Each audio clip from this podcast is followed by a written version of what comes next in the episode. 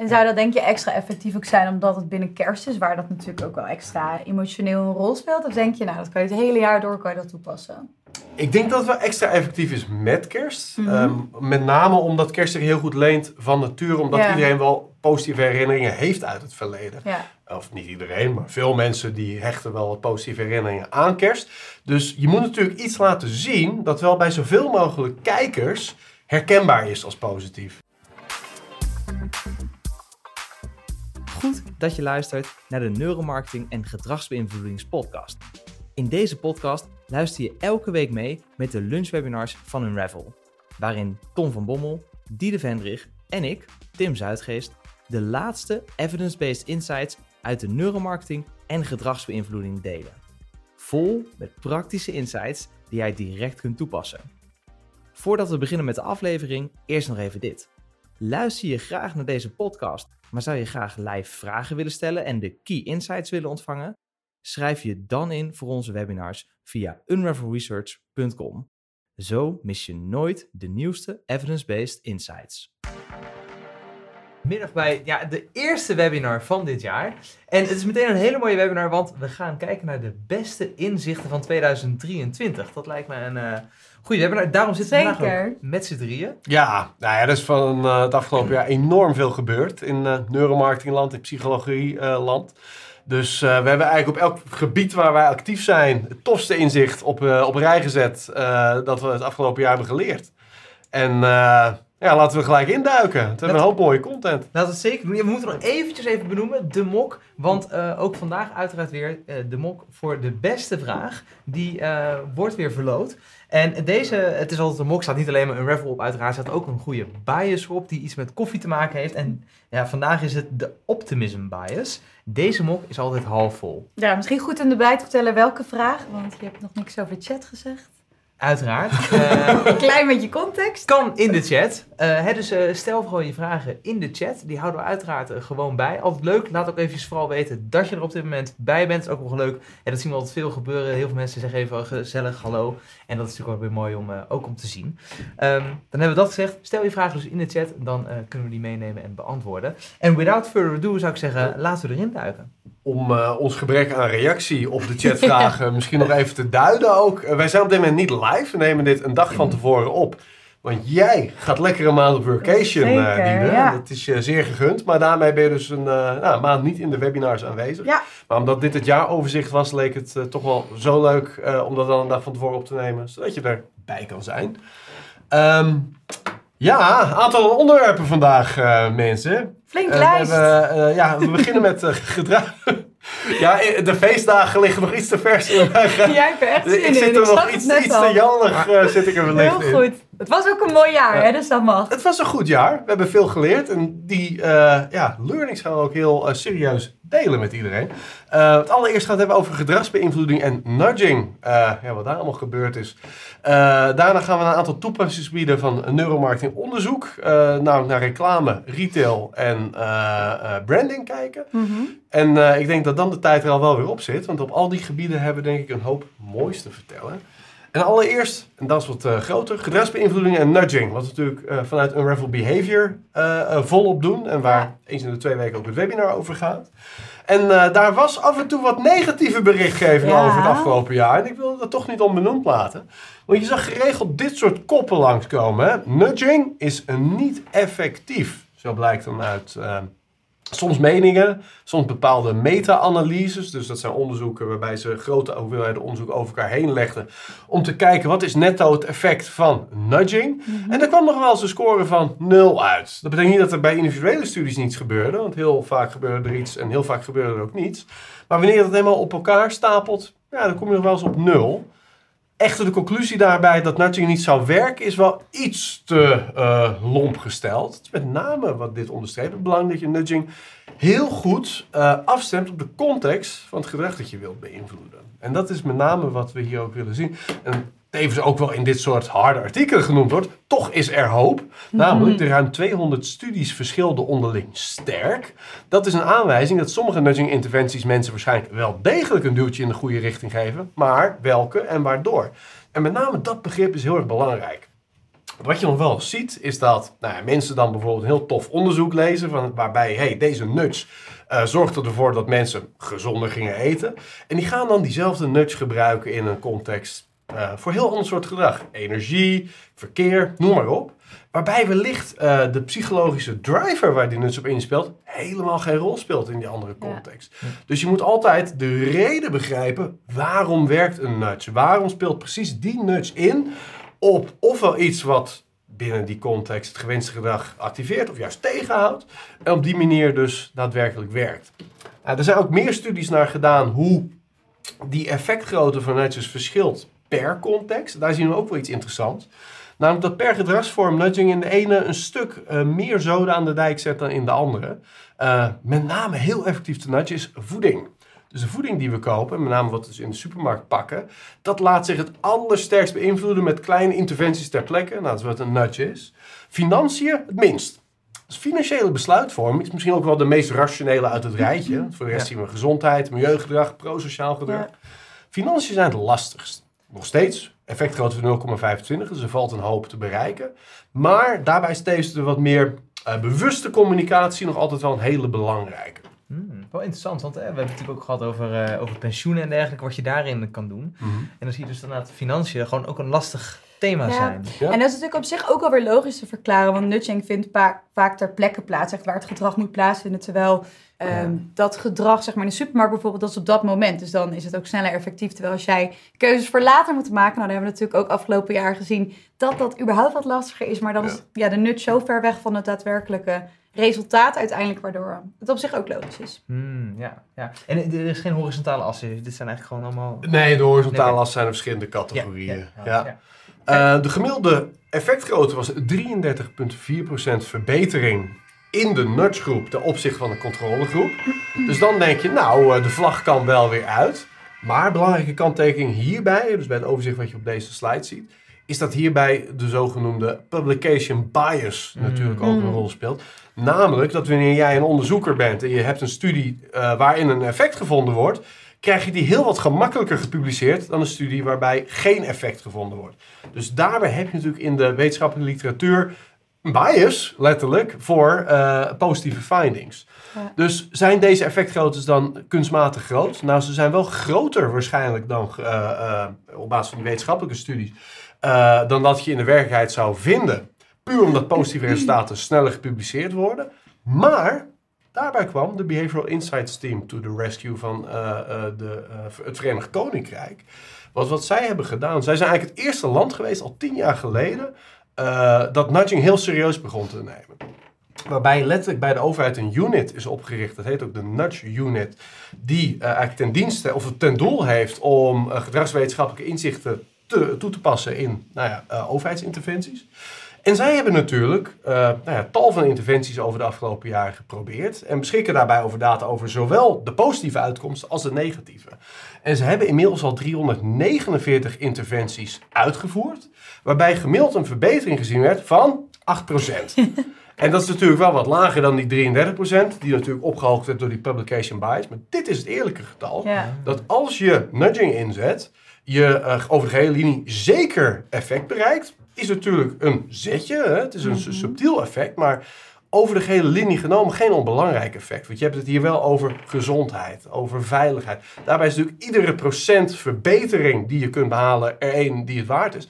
En hier met 8% nog altijd dus een hele mooie verbetering in die eh nou, gedragingen. Dus we hoeven nog niet te stoppen. Dat is mooi. We hoeven niet te stoppen, sterker nog, we moeten juist doorgaan. Want die 8% kan waarschijnlijk een heel stuk hoger nog wel. Ja.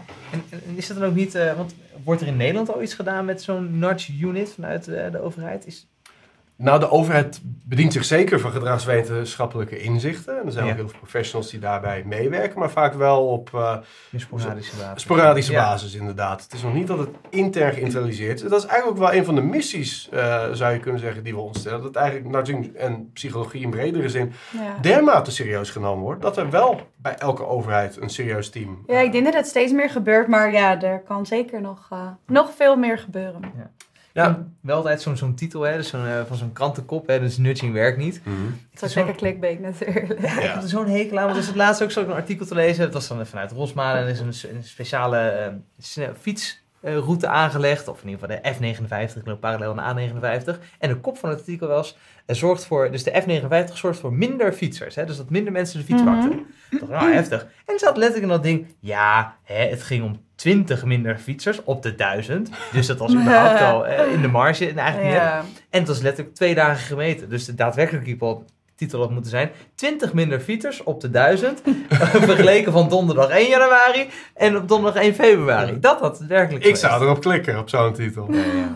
Ja, nee, oké. Dus daar moet een journalist eh, op statistiek... eh, Ja. Ja, eh, en al- zuiverder... eh, Andere mooie uitdaging, gedragsverandering binnen de Ja. journalistiek. nou, inderdaad. ja. Ja. Maar wat ik er met name mee wilde zeggen met eh, al die statistieken van net, eh, is het is heel belangrijk om de juiste nudge aan het juiste gedrag te koppelen. Ja, Als je zomaar uit, ook al is het op basis van wetenschappelijke literatuur, een, een, een grij doet uit alle, de, alle honderden mogelijke nudges en beïnvloedingstechnieken, gaat die waarschijnlijk gewoon niet werken. nee. Want het is heel belangrijk dat je op de juiste driver eh, aanspreekt. Ja. Hebben we daar ook eh, leuke voorbeelden Nou, je wat een mooi bruggetje.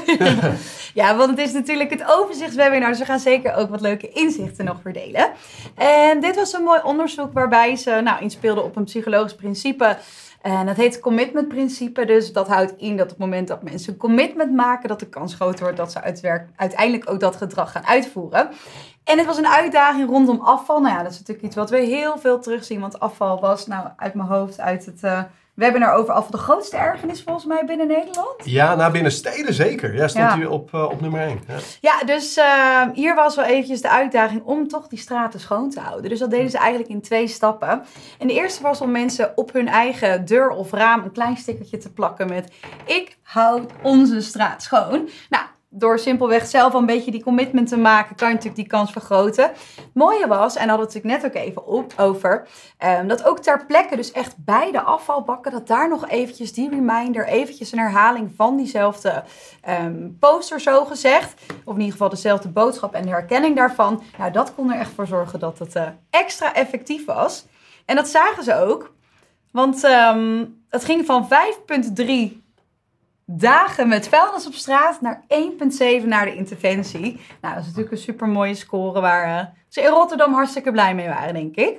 Ja. ja, en ik denk ook hier eh, heel erg dat dat stickertje alleen was niet genoeg geweest. Nee, Eh, die boodschap bij de bak was ook niet genoeg geweest. Maar die twee tezamen creëren ineens een commitment. Die je ook nog eens aan je collectieve buurtidentiteit koppelt. Maar ja, die heb je niet de hele dag top of mind. Dus als jij over straat loopt, dan ja, dat stickertje is heel diep weggezakt in je brein. Ja. Maar precies op het moment dat jij voor de keuze staat om die, die zak met afval met iets meer moeite gewoon netjes weg te werken. Of dan toch maar op straat te gooien. Daar heractiveer je eigenlijk het eerdere commitment. En dat Ja. is er zo sterk aan. Ja, mooi. En dan deze. En die ging over sociale druk. Nou, we hebben het natuurlijk eh, in alle webinars het heel vaak voorbij zien komen. We zijn ontzettend gevoelig voor het gedrag van anderen. Nou, dat zagen ze ook hier. Want dat was eh, een uitdaging natuurlijk weer om zoveel mogelijk mensen naar de stembus te krijgen. Altijd een blijvende uitdaging. Eh, maar hier hebben ze dat op Facebook gedaan. Dat ging dit jaar eventjes mis. Want ze waren volgens mij eh, een dagje te vroeg met deze nudge, zo gezegd. Ja. Maar hierin lieten ze zien hoeveel mensen, en eh, specifieker nog hoeveel van jouw Facebook-vrienden al hadden gestemd. En dat zorgt uiteindelijk voor een opkomstverhoging van 8%. Nou, dat is natuurlijk een heel mooi eh, ja, resultaat. Ja, nou en ik hoorde het laatst wel interessant, want ik zou zeggen, wie zit er nog op Facebook? Eh, Mijn moeder. Nou, de statistieken wijzen uit dat er nog veel meer mensen op Facebook zitten dan dat ik aanvankelijk had gedacht. Oh? Ja, dus dat Bij is is omdat echt, je er zelf vanaf bent. Ja, waarschijnlijk wel. Ja. Ja. Maar dat is wel echt, eh ja, dat Nou, moet je ik- niet zomaar afschrijven, laat ik zo zeggen. Eh, En dit werkt natuurlijk op elk social medium. Eh, Juist. Dus of je nou eh, ja, op Facebook of Instagram, dat, eh, je kunt overal Ja. op basis van eh, gedrag van anderen, of in ieder geval, je weet waar men woont. Dus gewoon een reminder van vandaag zijn de verkiezingen en deze vrienden hebben al gestemd. Ja, dat Ja. werkt, natuurlijk wel. Ja, en iets wat we natuurlijk heel veel terugzien, eigenlijk in alle campagnes op het gebied van nudging, is dat hoe makkelijker en hoe laagdrempeliger het gewenste gedrag wordt gemaakt, hoe groter de kans dat mensen het ook uit gaan voeren. Ja, en dan, wij dachten natuurlijk zelf ook van, nou, daar kunnen we ook wat mee met dat stemmen, want dat eh, blijft natuurlijk altijd een mooie uitdaging. En wat we natuurlijk heel vaak zien binnen campagnes op, ja, eigenlijk ieder gebied binnen gedrag, is dat mensen wordt verteld wat ze moeten doen. En we weten vanuit psychologie dat mensen daar eigenlijk helemaal niet zo goed op gaan. Want wij zijn heel erg, ehm, ja, we houden erg van die keuzevrijheid. Dus wij dachten, laten we eens kijken of we dat ook toe kunnen passen binnen zo'n campagne gericht op het verhogen van de opkomst voor het stemmen. Dus dat hebben we gedaan. Eh, we hebben de linkercampagne, dat was de echte campagne of de huidige campagne. Eh, en die hebben we aangepast door echt volledig in te spelen op die autonomie. Dus echt te zeggen, stemmen, je bepaalt het zelf. En het mooie aan deze techniek vind ik, is dat we er vaak best wel voorzichtig mee zijn. Want we zijn best wel bang op het moment dat we benadrukken van... hé, hey, je hoeft het gewenste gedrag niet uit te voeren, moet je lekker zelf weten. Dat mensen denken, oh, je hebt gelijk, ik doe het niet. Maar wat we juist zien is eigenlijk dat vaak het tegenovergestelde gebeurt. En dat was hier ook uh, zeker het geval. Dus dat was heel leuk om te zien dat dat ook werkte. Want we hebben uh, daadwerkelijk doorgemeten van het aantal mensen dat ja, de campagne had gezien, uh, hoeveel mensen uiteindelijk ook gingen stemmen. En daarin zagen we echt een hele mooie stijging. Uh, van 11% namelijk meer mensen die toch echt gingen stemmen op basis van die campagne gericht op autonomie. Dus dat zijn natuurlijk altijd hele vette dingen. Mocht je nou denken van, uh, ik heb een belangrijk probleem waar jullie echt iets mee moeten. we willen dit jaar weer twee leuke guerrilla nutjes cases op gaan pakken, zo gezegd. Uh, maar mocht je denken van, nou, dit is echt een heel groot probleem, um, om wat voor reden ook, laat ons vooral eventjes weten. Um, dat mag door mij te mailen, denk ik maar. Zo ja, ja, die de aapstaatje unravelbehavior.com. We zullen nog even in de chat ook uh, laten zien, de, de ding. Ja. En het is misschien wel goed, want uh, we noemen het een guerrilla nudge. dat is Nee. eigenlijk het idee vanuit, vanuit Unravel Behavior om een nudge te verzinnen in het wild. Vandaar een beetje de guerrilla uh, nudge eraan. Maar aan welke voorwaarden moet zo'n uh, probleem voldoen? Hè? Want bijvoorbeeld, als, ja, je kan het heel groot, heel klein. Uh. Mm -hmm. Het, een groot zichtbaar uh, probleem binnen Nederland. Ja, dus. nee, ja maar we hebben ook hè, een van de nutjes die, die uiteindelijk hieruit uit deze koker kwam. En waren dat de stickers op de waterkoker deden. Dat is natuurlijk een heel klein, eigenlijk heel ja. lokaal probleem, maar wel met een mega impact. Ja. Dus ja. Ja, ik denk dat het belangrijkste is, het liefst hebben we natuurlijk gewoon problemen waar we heel veel mensen of een groot probleem mee helpen. Dus uh, alles is in die zin welkom en dan kijken wij... Uh... Nou, het probleem is eigenlijk altijd groot, maar de gedraging kan heel klein zijn. Ja. Dus het koken van water is natuurlijk iets, uh, een hele kleine gewoonte. Waarbij, omdat mensen stevast te veel water neigen te koken, een heel groot probleem uit voortkomt. Uh, namelijk energieverspilling en ja. waterverspilling. Ja. ja, precies. Dus misschien een beetje de domeinen, weet je, want we hebben natuurlijk um, groot sociaal gedrag. Ja, uh, voeding, veiligheid. Gezondheid. Okay. Financiën, ja. dus onderwijs. Voor de mensen thuis, zorg, laat de hersenen kraken of zo'n uh, leuk probleem. De, de, reden hoe het startte was omdat ik uh, toen een keertje bij een dierentuin was geweest. En daar kreeg ik dus een timer die ik in mijn douche kon plakken. Die had zo'n zuignap. Dat is Mhm. gewoon een timer van vijf minuten die je dus heel makkelijk in de douche kon omdraaien. En je wist vijf minuten op. En dan moet je stoppen met douchen. Zodat je niet te lang Ah. douchte. Dus dat is ook zo'n mooi voorbeeld van een heel kleine interventie Ja. die dus uh, Ja. goed werkt. Leuk detail nog bij deze campagne was, uh, we moesten natuurlijk om het uh, experiment te doen, moesten we bij de campagnes nog extra laten zien. En daarbij vroegen we ook van tevoren van ben je van plan te gaan stemmen. Was dat een specifieke, welke vraag stellen we nou exact? Ja, dus ook de vraag om uh, of Ja. ze gaan stemmen. Ja. Want um, de landelijke opkomst was 58% en ook in de conditie waarin ze de gebruikelijke, dus de oorspronkelijke campagne zagen, was de opkomst al hoger. Uh, en dat is wel mooi, want daarin zie je eigenlijk weer dat commitmentprincipe naar voren komen. Dus op het moment dat mensen al eventjes daarover nadenken en daar al antwoord op geven, uh, kun je simpelweg door mensen zo'n ja, commitment te laten maken, daar ook alweer een mooi verschil in maken. Dus dat was Ja. een, een leuke bijkomstigheid van dit uh, experiment. Goeie. Ja. Zo. Nou, we hebben nog een, ik denk dat we nog uh, een mooie aanbieding hebben. Want uh, het is wel leuker denk ik als ik het doe. Want Diet, jij bent Ja. uh, as we speak bezig met het opnemen van de training misschien wel over van nudging. En omdat we die dus nog uh, niet 100% af hebben. Dus het gaat eigenlijk over in principe de content staat. We weten wat we moeten gaan filmen. We weten wat we online moeten gaan zetten. Hij is voor, nou ik denk 95% al af. Ja, meer zelfs. Meer, ja ja. Heb je nu dus nog heel kort de mogelijkheid om de training uh, voor een speciale prijs uh, te kunnen kopen. Namelijk 149 euro. Um, omdat hij nou, zo goed als af is, maar nog niet helemaal. Een soort early bird uh, access die je hiermee krijgt. Er zijn al heel veel mensen hiervoor gegaan. Heel erg enthousiast en tevreden hierover. Ook een linkje zullen we even nog in de comments plaatsen.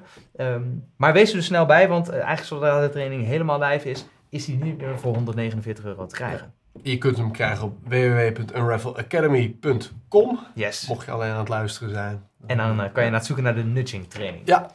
Goed. Uh, gaan we naar een ander toepassingsgebied van uh, neuromarketing in dit geval. En dat is reclame. En we hebben natuurlijk het afgelopen jaar weer heel veel reclames onderzocht. En het leukste reclameonderzoek dat we elk jaar doen, vind ik altijd het kerstreclameonderzoek. Hè, waarbij we, dat is nog heel recent, twee weken geleden, alle kerstcommercials van dat jaar in één reclameblok testen. En kijken welke de hoogste performance op neurometrics heeft. Dus die het meest emotie en aandacht grijpt. Uh, dat hebben we gedaan. Uh, de grote winnaar dit jaar was Albert Heijn. Um, interessant wel trouwens dat dat dit jaar ook wel bij de Jury Awards vaak de winnaar was. Ook op ja, creatieve uh, waardering was die tevens het hoogste. Het is in andere jaren wel eens anders geweest. Hè? Dus dat de neurorespons toch wel iets anders zei dan dat de professionele jury zei. Um, maar goed, we hebben ook een aantal nieuwe dingen geleerd van die kerstcommercials. Dus we kijken altijd, dat zie je hier op deze afbeelding ook. Uh, dan gaan we met 20 mensen gaan we kijken hoe het brein reageert op al die verschillende reclames. En dan zie je soms uh, bepaalde best practices weer bevestigd worden. Inzoomen werkt vaak goed, uitzoomen dan haken we weer wat meer af. Lekker eten scoort altijd goed. Dat zijn een beetje de usual suspects. Dit jaar zagen we daar nog een nieuwe bij komen. Want heel veel reclames hadden één bepaald element waar het brein heel erg goed op ging. En dat was nostalgie. Dus beelden van vroeger, die gewoon een beetje een warme herinnering activeren in ons brein. En dat weten we ook wel uit andere onderzoeken. Uh, wekt vaak heel veel positieve emotie op. En dat zagen we toch ook wel heel consistent voorkomen in de data dit jaar.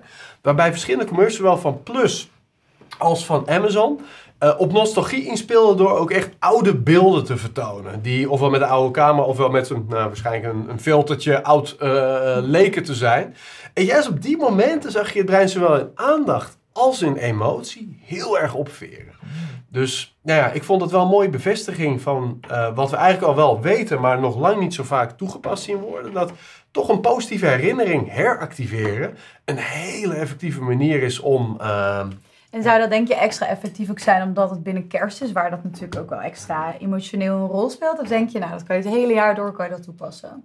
Ik denk dat het wel extra effectief is met kerst. Mm -hmm. um, met name omdat kerst zich heel goed leent van nature, omdat ja. iedereen wel positieve herinneringen heeft uit het verleden. Ja. Of niet iedereen, maar veel mensen die hechten wel wat positieve herinneringen aan kerst.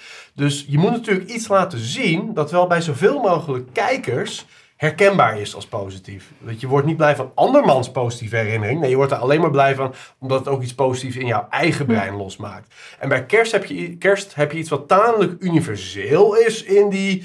Nou ja, dat dat een rijk geheugennetwerk voor positieve associaties heeft. Dat is bij heel veel andere dingen natuurlijk niet zo. Ik bedoel, wat jij positief associeert met wintersport kan voor mij een soort van hele nare herinnering aan een beenbreuk zijn. Dat, dat, dat zijn natuurlijk hele uh, persoonlijke dingen dan, die voor iedereen anders kunnen zijn. Ja.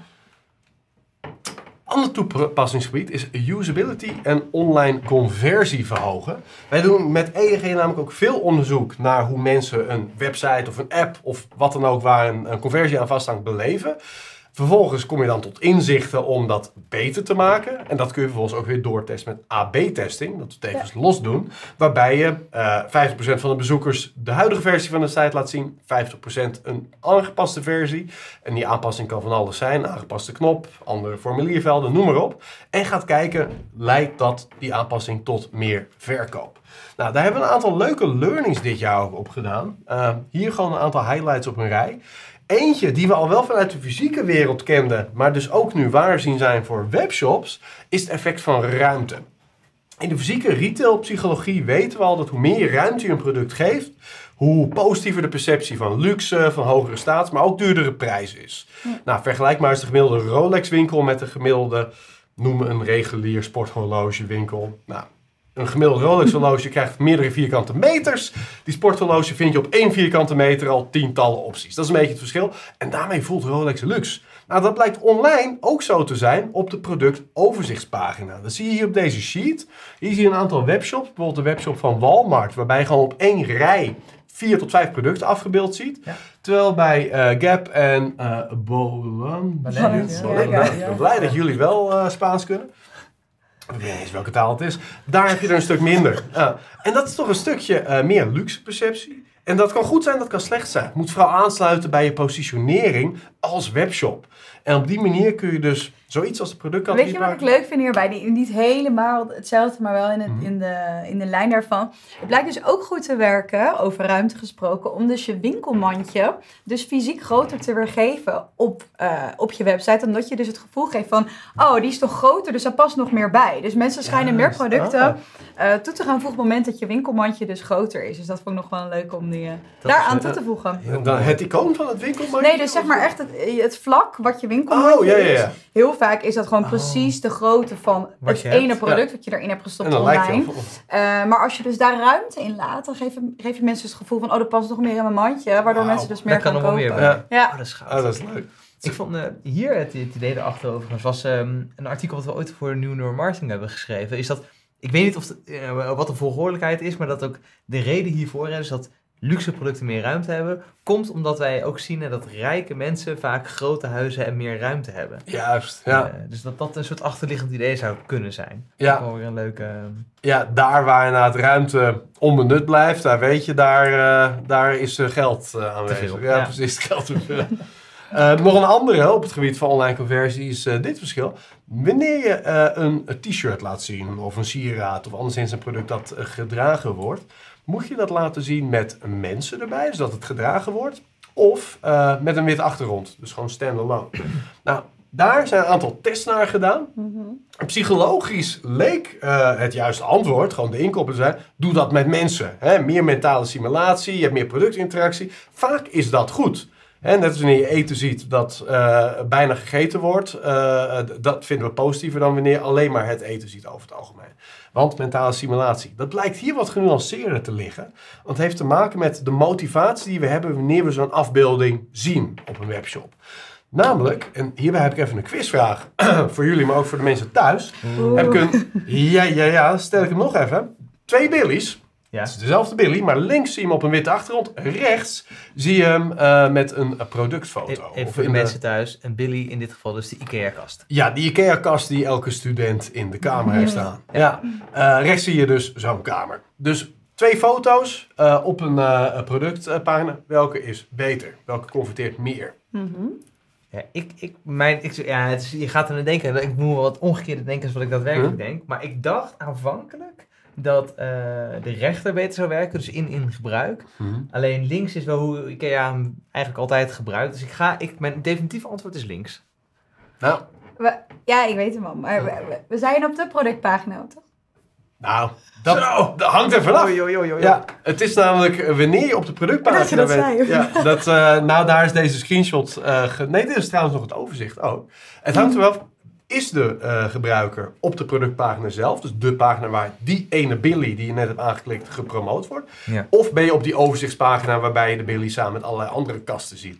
De motivatie van de gebruiker gewoon binnen de customer journey is een geheel andere op het moment dat je nog producten aan het verkennen bent, aan het vergelijken bent. En daarbij wil je niet afgeleid worden door context, door dingen die die vergelijken. Want stel nou dat je bijvoorbeeld kleding aan het vergelijken bent en die wordt al op die vergelijkende product, eh overzicht, nee, een categoriepagina met verschillende modellen getoond.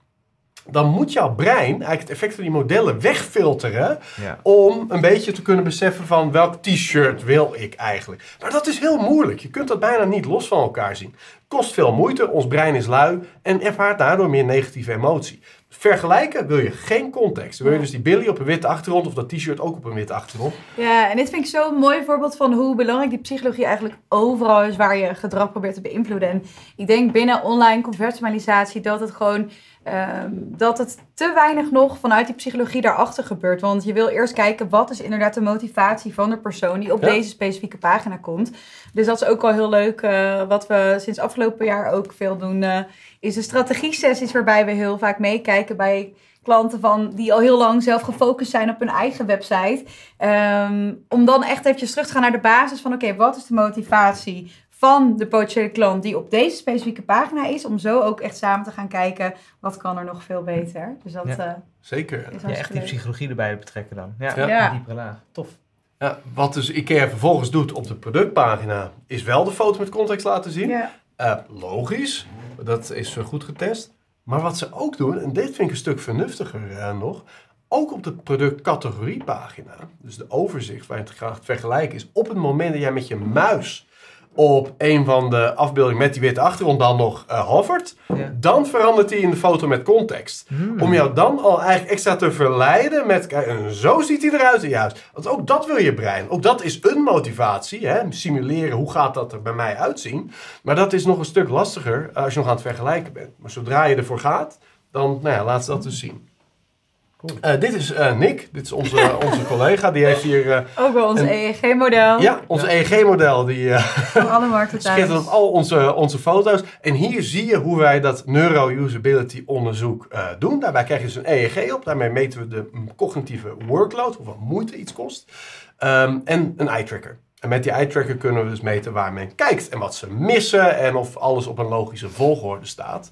En dan ontdekken we nog wel eens dat bepaalde dingen waarvan je zou hopen dat het heel erg opvalt binnen de gebruikersinteractie, ehm, juist worden overgeslagen. En daar hadden we een leuk voorbeeld van eh, eerder dit jaar. Namelijk deze nieuwsbrief van eh, de HEMA. En wat ik hiermee vooral wil zeggen is: don't look like a banner. Ziet er niet uit als een banner, want dan gaan mensen je overstaan. Want je hebt hier deze nieuwsbrief waarbij verschillende kledingartikelen worden eh, gefeatured. Dus je hebt hier een rij met drie eh, artikelen naast elkaar. En daaronder wilden ze echt even iets uitlichten. Dus dat was een bepaalde collectie voor de tropische temperaturen. Ja. Nou, dat had een mooi blok, ander kleurtje, foto erbij. Je zou denken, psychologisch, valt echt geheid op. Maar wat doet het brein? Op het moment dat het ook maar enigszins lijkt op een banner, springen we, en dat zien we hier in de eye-tracking, bam, eroverheen. Dus we zagen hier eye-tracking data. Iemand keek prachtig naar al die individuele artikelen. Op het moment dat die gefeatured, nou, dat ene blok was, sloegen we hem in zijn geheel over. Want het lijkt op een banner. Ons brein is heel slim en gewiekst om eh, nou, dat soort bannercontent over te slaan. Ja. Ja, en je ziet, hè, het brein leert uiteindelijk gewoon hoe een product eruit ziet. De Ja. banner ziet er niet uit als een product. En zodoende kan je het dus makkelijker ook, eh, ook skippen natuurlijk. Ja. Wat ik overigens ook leuk vind in het kader van de brand assets. Er stond hier nergens in de nieuwsbrief dat het HEMA was. Maar eigenlijk puur het zien van die nieuwsbrief, hoe die is opgebouwd, de kleuren die gebruikt zijn, Hmm. ziet iedereen al dat het Ja. HEMA is. Ja. Dat is maar de kracht van, eh, van branding. Zeer zeker. ja.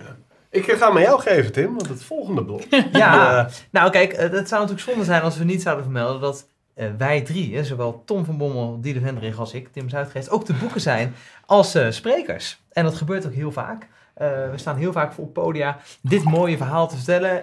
Vaak natuurlijk ook weer in een ander jasje die heel concreet erbij past. Eh, en niet zonder, ehm, eh, hoe zou ik het zeggen? Nou ja, zonder effect wou ik bijna zeggen. Want eh, dan krijgen we altijd mooie eh, eh, reacties vanuit de zaal. Dus Staande even- ovaties wilde jij zeggen, hè? Staan ovaties. Ehm, Wat een goede zelfpromo. Wie ja, eventjes tussen kort en zelfpromo. Mocht je dus nog denken, nou, we hebben nog een leuke spreker nodig dit jaar. Mm. Schroom niet om ons te bellen of te mailen. Dat kan naar tim.unravelresearch.com eh, En dan eh, brengen we je in contact met de juiste persoon hiervoor.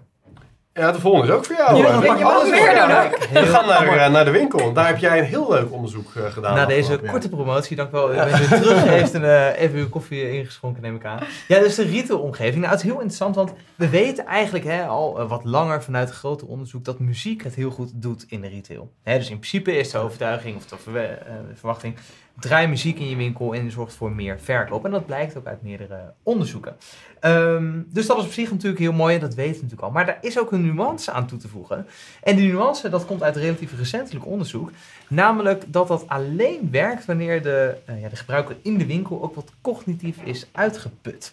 Ehm, en dat is heel interessant, deze nuance die eraan wordt toegevoegd, vind ik. Want dit inzicht geeft eigenlijk aan dat muziek een toch relatief onbewuste ehm, ja, aanjager, zou je kunnen zeggen. Ook alleen werkt wanneer je wat meer in dat onderbewuste zit, wat meer mindless eh, bezig bent. En dat gebeurt dus ook vaker in de winkel, waarin je dus wat meer cognitive overload hebt. Oftewel, wanneer je wat moeier bent, wat ontvankelijker eigenlijk voor dit soort eh, beïnvloeding. Dus dat vond ik een heel leuk ehm, eh, eh, inzicht erin. En wat blijkt dan ook uit het onderzoek, dat is vaker door de week zo dan in het weekend. Want in het weekend hebben we nou eenmaal wat vaker vrij, zijn we wat uitgeruster. Daar waar we door de week toch wat meer stress ervaren en ehm, ja, wat drukker zijn. Het is minder goed, dat goed. En aan het eind van de dag ook meer dan zeg nadat je net geluncht hebt, bijvoorbeeld. Ja, ja, Dus gewoon ja. hoe ja, uitgeputter je bent, hoe moeilijk het is om weerstand te bieden tegen dit soort emotionele invloeden. Ja. Ja, dus dat zou je ook zien. Dus dat zien we überhaupt natuurlijk al in de winkel. Hè. Aan het begin ligt ook niet voor niks de groente, want dan ben je nog vol goede moed, vol frisheid. Terwijl aan het einde, daar ligt ook de chips. En dan wordt het toch wat moeilijker om daar nee tegen te zeggen. Zeg Eh, ten opzichte van het begin. Want als zou die aan het begin liggen, dan zou ik al die chipszakken overslaan. Terwijl helaas liggen die dan toch weer in het uh, winkelmandje. Op de volgende foto zien we... En dan zien we daar gewoon bewijs van. Ja, Wist je dit? Nee. We zien hier een foto van eh, Tim met heel veel chipszakken. maar en heel veel zin in die en chipszakken. heel het mag geen toeval heten, zullen maar zeggen. Het is- Kijk, je, je, je haalt dit soort verhalen ook gewoon uit het echte leven. Ehm, Ja. Maar deze zit er ook wel in met een goede reden, deze foto. Ja, voor de mensen thuis die dus eh, eh, alleen luisteren via Spotify en niet kijken. Je ziet hier mij met een eye-tracking bril op in de supermarkt. Het leuke is dat deze bril valt eigenlijk niet heel erg op dat dit een eye-tracking bril is. Dus die zijn zo erg geavanceerd ehm, dat het dus eigenlijk voor de omstanders niet eh, opvalt dat je een eye-tracking bril op. Terwijl tegelijkertijd heeft deze bril, eh, die filmt waar, eh, wat ik zie, maar ook waar ik op dat moment naar kijk. En dat is natuurlijk het mooie van eye-tracking. En dat geeft heel veel interessante inzichten in een winkel. ehm, over dingen, net als met online, maar ook dus in die fysieke winkel. Wat ziet men wel, wat ziet men niet? Wat zijn de zoekpatronen die men eh gebruiken? En hoe kan je die dus weer gebruiken om een winkel te verbeteren? En daar kwamen hele mooie inzichten uit. Maar ik wilde deze vooral even erbij halen, omdat ik hier ehm, eigenlijk op, oh ja, op, op, ja, op jacht was naar de geluiden van Albert Heijn. Ehm, hier zie je daar een eh, mooi eh, voorbeeldje van hoe ik hier in deze winkel eh, de, de, de, de borrelnootjes aan het scannen ben. En dit is ook een hele specifiek waarom deze borrelnoten, want die waren 2 plus 1 gratis. Ehm, dus je ziet hier, hè, ik scan dan eh, één keer en dan komt er ook een mooi eh, deuntje bij van hey, je hebt nog niet alles gescand. Je moet door blijven scannen totdat je de bonus eh, haalt. En hier horen we nu het geluid niet, want ehm, laten we die eventjes wel, hoor. pakken. Ja, Ja. Ehm, want even de reden waarom we dit laten zien, eh, is omdat ik eh, eigenlijk ondervond dat Albert Heijn heel slim hun geluiden op de handscanner, maar ook op de scanner, eh, op de zelfscankassa, eh hadden ingericht. Eh, psychologisch slim. Nou, laten we ze even erbij pakken voor, eh, om het wat duiding te geven. Ehm, dit is namelijk het geluidje wat je hoort als je een product hebt gescand. eh, wat bijvoorbeeld 1 plus 1 gratis is. Je hebt de eerste gescand, dan heb je dus nog geen bonus, want je moet hem nog een keer scannen. Eh, luister even mee. Yes, dus deze geluidje heb je als je hem nog moet pakken. En in de webinar die we dus ook met Niels van Tamber hebben gehad, zei ook, ja, je merkt dus ook, dit geluidje is dus nog onaf. Want het geluidje wat je krijgt als je wel eh, de bonus pakt, is deze. Ja, dat is is lekker. Dit is heel Ja. lekker. En het mooie is ook als je gewoon überhaupt al een product waarin direct bonus is, krijg je dit ook. Te doen, tun. En ehm, het leuke is, wat zij dus gewoon heel goed over hebben nagedacht, is dat eh, omdat je dat te doen, tun geluidje eigenlijk dus wil eh, nastreeft, heb je dus daarvoor, als je hem dus nog niet hebt, heb je alleen te doen. Weet je, het brein heeft zoiets van, het is nog onaf. Ik moet nog iets eh, afmaken. En dat vind ik echt heel slim gedaan eh, door Albert Ja. Heijn. Want eigenlijk stevig als ik aan het scannen ben, dan weet ik ook, hé, hey, als ik er nog eentje scan, dan heb ik waarschijnlijk korting en bonus. Ook al heb ik misschien niet die tweede zak chips nodig. Je zou de eerste ook al kunnen eh, vragen of die erbij horen natuurlijk. Ehm, en, maar we gaan door, want het, het, bleef alleen natuurlijk niet daarbij. Het volgende geluidje hoor je wanneer je je eerste product hebt gescand bij de zelfscanner. Dus eh, stel je hebt niet de handscanner, maar je gaat gewoon naar de zelfscankassa. Eh, je scant het eerste product, dan hoor je eigenlijk dit. En dit geluidje, dit geeft eigenlijk aan, je hebt een product gescand, eh, maar je moet ook nog je bonuskaart scannen, want wellicht zit hier wel een bonus in. En ook vanuit nieuws bleek weer dat dit geluidje ook weer een soort ja, een onaf geluid is. Hè? Die is ook meer volgens mij op de mineur, even als ik het goed zeg. Eh, maar het geeft Ja, eigenlijk wel aan, je wil nog die bonuskaarten scannen. Vervolgens ehm, heb je eigenlijk, een, en dit is wat mij betreft misschien wel het summum van die hele beleving bij de Albert Heijn. Eh, je gaat afrekenen en dat kan je zowel hebben gedaan zonder bonuskaart als met bonuskaart. Dan laten we eventjes luisteren wat het geluidje is als je afrekent zonder bonuskaart te hebben gescand. Nou, is op zich al positief. Klinkt lekker. Ja, ja, niks mis mee. Maar nou komt het. Het geluidje wat je hoort als je de bonuskaart, of sorry, als je wel je bonuskaart hebt gescand, die klinkt vervolgens zo. Die is Ja. nog beter. Die is nog beter. En dit is heel leuk, want dit is natuurlijk het laatste, het laatste geluidje in de hele journey. Dus in principe kan er nu niks meer worden gedaan. Maar zoals we dus begrepen, ja, dit, eh, dit geluidje, dit voelt een beetje als het geluidje wat je in de casino hebt. Ja. Namelijk, je hebt eigenlijk eh, de jackpot gewonnen. eh, je gaat met een positief gevoel de winkel uit. En wat je dus hebt, als je dus per ongeluk die bonuskaart bent vergeten, dan heb je dus niet dit geluidje. En dan zou je dus ook een beetje met een, ja, het gevoel de winkel uitlopen dat je niet echt gewonnen hebt. Ja. Want als je die wel die bonuskaart had gescand, je wel had gewonnen. Ja, dit vind ik wat mij betreft echt een, eh, een briljante set. van Geniaal. Ja. In de psychologie heet het shaping. Hè? Dus wat- niemand is zich hier waarschijnlijk van bewust. Dus Mhm. totdat jij dit uitlegde, wist ik niet eens dat er twee verschillende geluiden waren voor de, de modus met bonuskaart en Nee. zonder bonuskaart. Ja. Maar door het ene net wat plezieriger te maken dan het ander, vergroot je de kans dat men de volgende keer toch eerder geneigd is die bonuskaart te trekken. Want ons brein heeft geleerd aan meer beloning. Ja. In, in dit geval vanuit geluid, maar het werkt wel. Ja, dus echt eh, ja, heel slim eh, wat mij betreft. Ja, ik heb er nog eentje in de, in de retailwereld. En dat heeft te maken met eh, price bundling. Ehm, en dit kun je ook online toepassen. Ik heb hier twee prijsbundels op een rijtje gezet. Dus dit zouden twee eh, promobordjes kunnen zijn voor het schap. Hierbij zie je in dit geval ehm, voedingssupplementen. Vier potjes voor 16 euro of vier potjes voor 15 euro. Welke prijsbundel denk je dat beter verkoopt? 4 voor 16, 4 voor Ik 15? heb er het gevoel dat het nu een strikvraag gaat zijn, maar ik zou 4 voor 15 zeggen. 4 voor 15. En van waar? Ja, ik weet het antwoord ook. Jij weet het antwoord Ja, ja. al. Nou, ehm, omdat 4 voor 16 minder voelt alsof je er korting voor krijgt.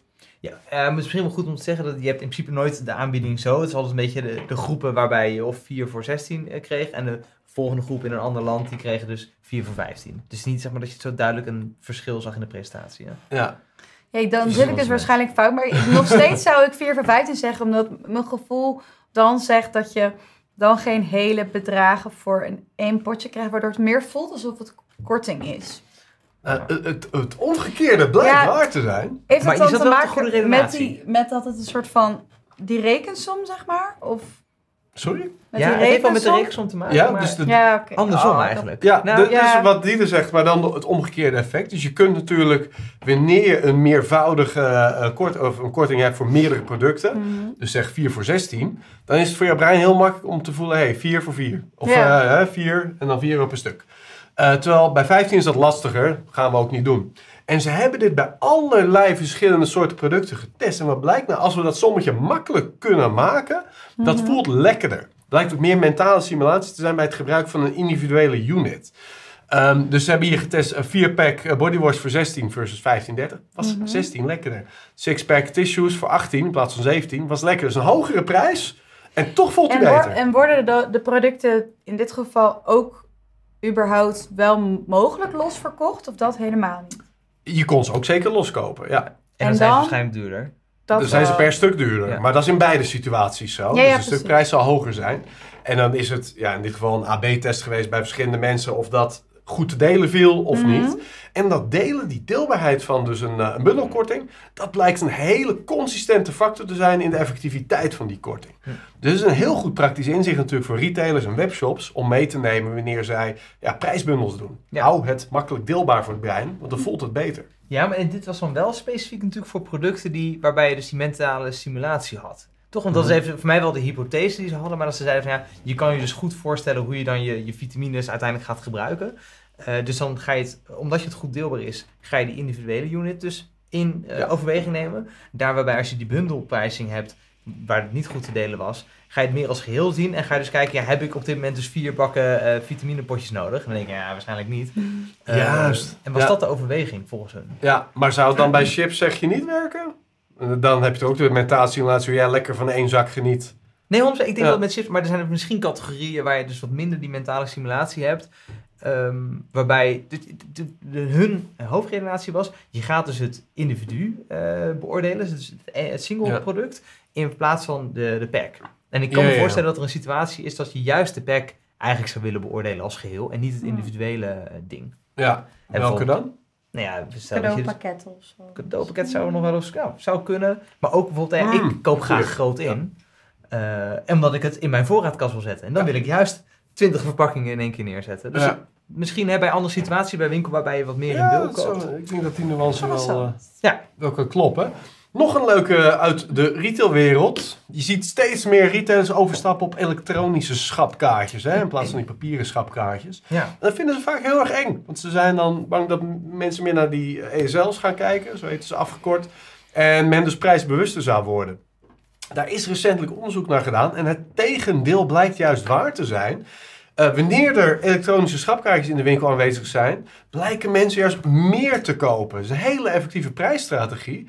Onafhankelijk wat je dan ook elektronisch nog kan doen met eh, specifieke aanbiedingen en vaker prijzen zeg maar veranderen. Dat is allemaal voordelen voor de retailer er nog bovenop. Maar puur de aanwezigheid van een elektronisch schapkaartje doet iets heel bijzonders met de prijsperceptie van de klant. Want wat gebeurt er? Ze gaan minder showroomen. En showroomen is het fenomeen dat jij bijvoorbeeld in de boekenwinkel staat je ziet daar een boek liggen en je wilt het eigenlijk wel hebben, maar je denkt nou, ik ga toch eerst even op Amazon kijken of het eigenlijk niet goedkoper kan. Dit is dodelijk voor fysieke retailers. Want op die manier sijpelen er natuurlijk heel veel sales sijpelen weg. Omdat mensen de hele tijd maar met hun hoofd bij een goedkope aanbieding op de telefoon zitten. Op het moment dat er digitale schapkaartjes aanwezig zijn, gaan mensen dat showroomen minder doen. Want een digitaal schapkaartje impliceert, dit is een actuele prijs. Deze prijs is vandaag nog hier bijgewerkt, dus dit is ja, de beste prijs die we op dit moment kunnen bieden. Daarmee is het gevoel veel minder dat het zomaar eens online een stukje goedkoper zou kunnen zijn. En daarmee heb je dus minder showrooming, is uh, meer focus op de producten in de winkel. Kopen ze dat is meer. Nou, dat is meer, uh, ja, meer sales. Ja. En, en zou dit ook niet een um, wat meer rationele mindset dus daarmee ook activeren? Wat soms niet per se positief zou zijn? Mm. Nou, kijk, het, het is zo dat bij emotionele producten showrooming überhaupt al minder is. Dus dat is ook een buffer tegen dat mensen denken, ik ga het dan... Dat zie je bijvoorbeeld bij als je naar de rituals gaat. Ja. He, je kunt ook online wellicht geurstokjes voor een aanzienlijk goed lagere prijs. Maar het is zo'n emotioneel aantrekkelijk product, ook met het merk erbij. Je denkt, joh, laat zitten, ik koop het hier nu. Ik wil het ook nu hebben, juist omdat het emotioneel is. Juist bij rationele producten hebben we dit harder nodig. Als jij een boek gaat kopen wat je überhaupt niet heel spannend vindt, dan denk je al snel, nou, even een weekje wachten en dan online halen kan ook wel. Daar wil je iets tegen uh, te bieden hebben. Dus dit is heel goed voor supermarkten, heel goed voor drogisterijen, boekenwinkels. Allemaal van dat soort producten die best wel geteisterd worden door dat showrooming. Uh, en op die manier dus sneller gewoon ter plekke gekocht worden. Tof. Nou, we sluiten af met het merk. Eén um, groot inzicht daarbij uh, dat ik met jullie wilde delen. Heeft te maken met het webinar dat we nog uh, vrij uh, onlangs gehouden hebben. Dat ging over brand tracking en brand awareness. Nou, dat is een groot onderwerp, eigenlijk altijd al, maar dit jaar des te meer. Dankzij Bion Sharp en het Airmer Bass Institute. Die hebben een, een nieuw vierde boek binnen hun hele reeks gepubliceerd. Dat boek dat heet Better Brand Health. Dat kan ik sowieso vorig jaar dus gepubliceerd uh, aan iedereen aanraden die nu kijkt en iets met branding te maken heeft. Dat boek gaat over alles wat je wel, maar ook zeker niet zou moeten meten binnen je brand, brand health tracker. En daar stond één hele leuke eye-opener in, en die wilde ik dus nu uh, mee uh, afsluiten. Dat is namelijk, wat is de beste vorm van brand awareness om te meten? Wat is het meest zinvol? Wat is het meest betrouwbaar? En je hebt verschillende vormen van brand awareness, hè? dus bekendheid van je merk. Je kunt het on, unprompted, ongeholpen doen, spontaan. Dus uh, welke biermerken ken je allemaal? Moet je het invullen. En je kunt het geholpen doen. Welke biermerken van de lijst hieronder ken je allemaal? En je hebt top of mind awareness. Dus dat is wat is het eerste biermerk dat in je opkomt. Dat zijn eigenlijk drie populaire vormen om dat te meten. Daarvan blijkt er eigenlijk maar eentje daadwerkelijk goed betrouwbaar en ook veelzeggend te zijn voor toekomstige merkgroei. En dat is, en veel uh, brandmanagers gokken deze vaak verkeerd, ik zelf ook in de eerste instantie moet ik toegeven. De juiste manier is geholpen. Dus uh, prompted brand awareness. En de hele reden daar ook bij, dus het eerste, waarom weten we dit? Dit is gewoon getest bij uh, veel aantallen categorieën, daarna ook gehertest. Dus dan kun je kijken hoeveel foutmarge zat erin. Nou, je ziet dus juist bij spontane formats, open formats, zit heel veel foutmarge, dus veel toevalligheid zit daarin. En uh, vooral de extreme komen boven water. Dus alleen de allerbekendste merken, die komen dan naar boven. Maar die hele variantie tussen de, misschien de middenmoot, die wel degelijk bestaat, wordt een beetje op elkaar gedrukt. Scoren min of meer hetzelfde. Tenzij het geholpen heeft. En je ziet dan ineens best wel een mooie rangorde ontstaan tussen al die verschillende merken in de categorie. Nou, dat is de, daarbij dan uh, de reden.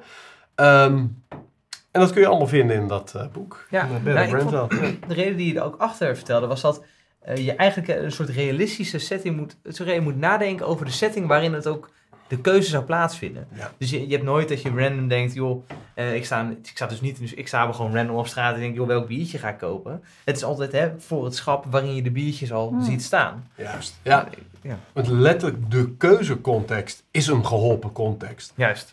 En je vragenlijst of je onderzoek dient zo goed mogelijk de context van het gedrag te weerspiegelen. Oftewel, een geholpen context. Laat zien wat de keuzes zijn, want zo shopt men ook. Ja. Dus uitzondering hierbij kunnen diensten zijn waarbij men heel erg eh, gaat, niet eens gaat googlen, maar letterlijk gewoon op basis van wat zij eh, als eerste merkt dat in de opkomt, eh, invullen in de browser. Ja. Ik ga vakantie boeken, dus ik ga naar vakantiediscounter bijvoorbeeld. Ja. Nou, dan zou het kunnen zijn dat voor die specifieke categorieën ongeholpen beter is. Ja, ja oké, maar ook daarbij geldt dus weer de regel wat je zegt. Hè? Dus dat Ja. het, de, de context zou ook niet zo zijn dat je dus naar een website gaat met aanbieders van eh Klopt. vakanties. Ja, oppervlakkig zou je denken, hé, hey, dat is inconsistent zeg. Maar dat is het dus niet. Want als je gewoon dieper kijkt, moet je gewoon de keuzecontext weer spiegelen in de wijze hoe je dat uitvraagt.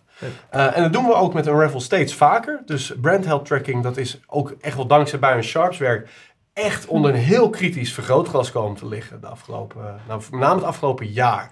Dat heel veel merken zich echt kritisch afvragen, is de tracker die we op dit moment uitvoeren, meten we alles wat we moeten weten? Meten we ook niet heel veel dingen waar we eigenlijk niks aan hebben, maar gewoon een soort opvulling van het dashboard of het rapport is? Dus het wordt echt kritisch tegen het licht gehouden. En juist het boek Brand Health brengt ook heel veel empirische data naar wat zijn nou echt de dingen die je zou moeten meten met een Brand Health Tracker. Dus deze vorm van awareness, maar net zozeer eh, category entry points, brand assets. Ehm, ehm, eh, eh, de eh, aanraking met campagnes die men gevoerd. Dat zijn hele belangrijke zaken, omdat ze uiteindelijk correleren met marktgroei, ehm groei en marktaandeel. En tegelijkertijd zijn er ook zoveel dingen die je kunt meten, die helemaal niet zo hoeven te meten, want ze zeggen je eigenlijk niks. En er zijn ook heel veel, dat is met name het gevaarlijke, metrics die je op zich eh, zeker zou moeten nastreven om te meten, maar die op de verkeerde manier gemeten worden. Nou, daarbij werkt dit boek, eh, helpt je ook op het juiste spoor te blijven. Dus eh, ja, dat kan ik aan iedereen aanraden als afsluiter voor eh, vandaag. Mooi. Tof, dankjewel. Ja. Ja, en zo hebben we toch weer bijna een heel mooi uurtje volgepraat. Eh rest mij dan ook niet meer om te zeggen dat ik iedereen wil danken voor het kijken. En uiteraard nog eh, de vraag, waar gaat het komende webinar over, Tom? Nou, als ik het goed heb, gaat het volgende week ja. over de neuromarketing achter verpakkingsclaims. Want dit is er echt eentje voor eh, nou ja, ieder merk dat in de winkel ligt en natuurlijk ook voor de winkel zelf. Welke claims zijn ons brein relevant? Verwerken we ze überhaupt wel op de, hè, in, de, in, in, in de winkel? En op welke wijze kun je testen of ze maximaal impact maken op je nou, gewenste merkperceptie en, eh, en verkoop? Ja, heel relevant eh, lijkt me. Eh, dus ik hoop iedereen daar uiteraard weer te zien. Ehm, ja, en Tom en Diede, jullie ook uiteraard weer bedankt eh, voor dit mooie overzicht van 2023. Dat geeft alleen maar te denken wat 2024 natuurlijk voor ons gaat brengen. Eh, ik denk veel meer mooie inzichten nog. Absoluut. Zeker. Dus daar kijken we uiteraard naar uit. Ook weer in een wekelijkse format in de vorm van deze webinar of podcast als je deze op Spotify luistert. Iedereen eh, bedankt en tot de volgende. Voordat je gaat, nog een paar dingen. Vind jij het belangrijk om op de hoogte te blijven van dit soort nieuwe inzichten? Schrijf je dan in voor onze webinar nieuwsbrief op unravelresearch.com. Wist je trouwens dat Tom, Diede en ik ook te boeken zijn als gastspreker? Of als je meer de diepte in wilt gaan voor een in-company masterclass of inspiratiesessie? Neem voor meer informatie hierover contact op met emily at. Heb je vragen of suggesties over deze podcast? Laat het me vooral dan even weten via tim at unravelresearch.com. En als laatste, vond je deze podcast waardevol en denk je nu aan één persoon die deze aflevering ook zou moeten luisteren? Stuur hem dan vooral door. Of geef ons een beoordeling in jouw podcast-app. Zo kunnen andere mensen deze podcast ook sneller vinden.